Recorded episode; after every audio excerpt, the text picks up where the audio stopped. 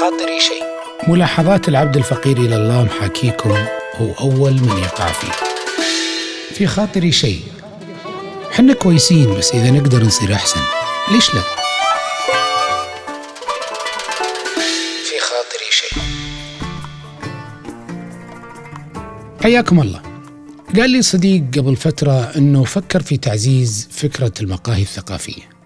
المقاهي الثقافية بالعادة يا جماعة الخير يكون فيها مجموعة من المثقفين يجتمعون ممكن يمارسون بشكل جماعي أو فردي أي نوع من أنواع الإبداع. كتابة بأنواعها شعر نثر قصة مقال رسم أو قراءة أو تأمل أو أي فعل من الأفعال الإبداعية. المقاهي الثقافية ظاهرة مهمة ومشهورة في كثير من المدن الثقافية الرئيسية. تشوفها في براغ باريس لندن الدار البيضاء القاهرة بيروت دمشق بغداد وغيرها. يمكن إحنا لأن ثقافة المقاهي عندنا جديدة مش مشهورة هالظاهرة عندنا. المهم ان صاحبنا أخذ كتاب وراح لواحد من المقاهي. أظنه كان في الرياض. جلس الرجال يقرأ كتاب.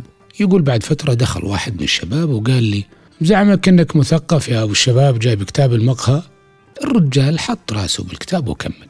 لكن كان في نفسه غصة ووصل لي هالفكرة يمكن إنه هالشخص اللي جاء كان فظ لكن ثقافة التثبيط ونشر الإحباط مي بغريبة علينا للأسف. تجتاحنا من وقت للثاني. كلنا نمارس هالثقافة بشكل أو بآخر. ليش ما نقول لأنفسنا علشان نحرضها على الأفضل؟ إذا ما قدرنا نسوي شيء زين أو إيجابي أقل شيء أننا ما نمنع الإيجابيين أو الناس اللي يسوون أشياء إيجابية أنهم يكونون كويسين. اللي يقرأ في مقهى ممكن يحرض واحد ثاني على القراءة وما يحرضه بالنصح المباشر يحرضه بالقدوة. مو بواحد ثاني بس ثالث وعاشر.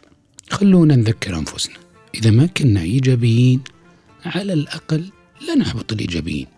ما في داعي ننشر الثقافة السلبية. سلامتكم. في خاطري شيء. ملاحظات العبد الفقير إلى الله محاكيكم هو أول من يقع فيه. في خاطري شيء. حنا كويسين بس إذا نقدر نصير أحسن. ليش لا؟ في خاطري